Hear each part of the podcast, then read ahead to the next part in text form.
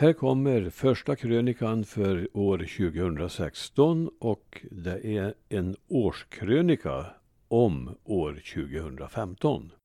Nya Värmlandstidningen 2015 blev ett år Torsby kommuns invånare kommer att minnas av främst två orsaker. Dels för att kommunen fick ta emot en stor mängd flyktingar Dels för att kommunens styrande vid några tillfällen blev framställda i massmedia på ett mindre fördelaktigt sätt. Krig och oro i världen har drivit stora människoströmmar genom Europa och flera hundra av dessa hemlösa har hamnat i Torsby kommun. Hur många som blir bofasta eller fyller våra tomma hus återstår att se. Mottagandet tycks i huvudsak ha fungerat väl och kommunen har tackats med statliga pengar för sitt generösa flyktingmottagande.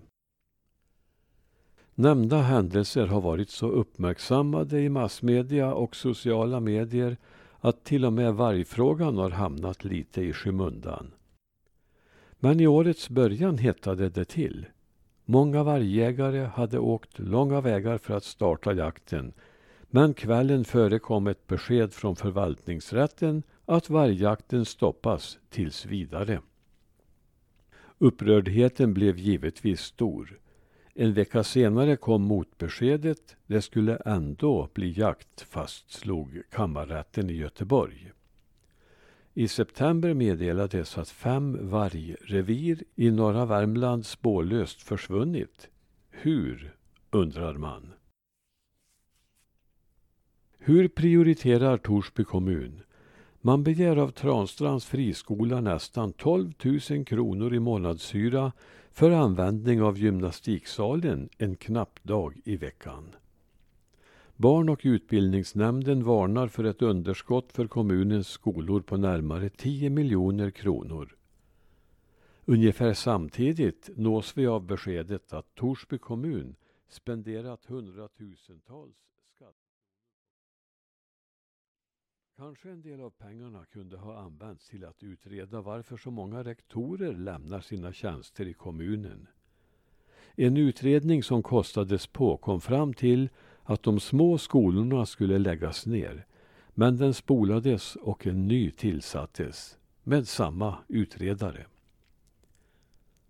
Tidernas troligen sämst genomförda rån utfördes i Sysslebäck i november. En 19-årig kvinna lyckades med knivhot tvinga till sig en penningsumma från kassan på Coop. Därefter promenerade hon ut och råkade få ögonen på tiggarflickan som satt utanför porten. Då passade hon på att sno en hundralapp från den säkert mycket förvånade tiggerskan. Därefter gick hon över vägen till bensinstationen för att köpa cigaretter för de snabbt ihoprafsade pengarna. Några bloss hann hon väl knappast ta innan polisen tog hand om henne då hon lugnt promenerade söderut. Apoteket i Likenäs utsattes natten till den 5 november för inbrott för tredje gången på kort tid.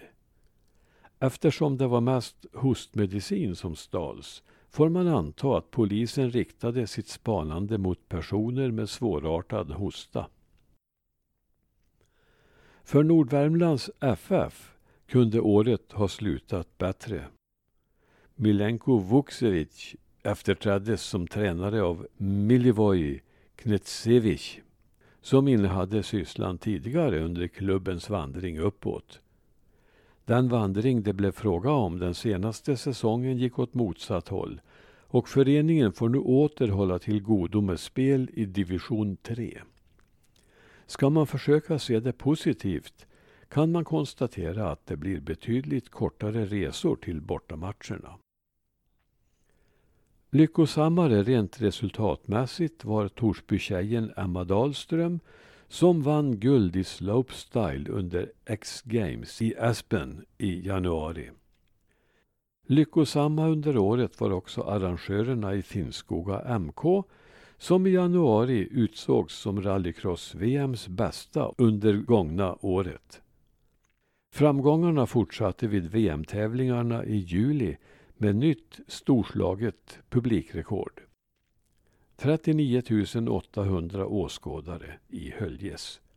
Och i slutet av året lyckades Finnskoga MK förhandla sig till klartecken att arrangera VM i rallycross ytterligare tre år. Annat positivt är att P.A. Sjögren med flera entusiaster jobbar på att rädda gamla Smeja i Torsby från förgängelsen. Denna sista kvarvarande produktionsbyggnad från bruksperioden. I engagemanget ingår också att förhindra att hyreshus byggs på det gamla bruksområdet.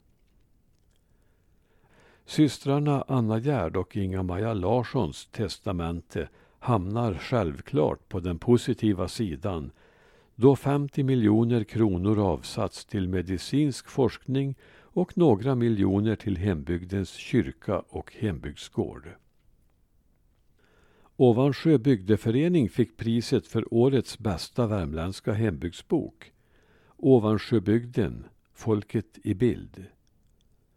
Föreningen avsatte överskott på försäljningen till att med ideella krafters hjälp bygga en uteplats för de gamla på Dalbygården. Stiligt. Glädjande är också att Konsum Värmland efter hotfullt morrande lät Stöldets Konsumbutik vara kvar. Desto tråkigare då att Höljes lanthandel tvingades lägga ner. En minskande befolkning plus konkurrensen från Långflons köpcenter har gjort att Höljes nu står utan butik för första gången på 165 år. På Brannestoppen byggs hotell, hus och lägenheter för fullt. Den tidigare ödemarken på bergets baksida liknar allt mer en liten stad. Man häpnar. Året slutade med välkommen pluspoäng för Torsby kommun som är först i landet med att erbjuda noviser datorhjälp i bokbussen. Spännande inför 2016 blir att följa utvecklingen för Vitsans brandstation som hotats med nedläggning men som fått en nådatid.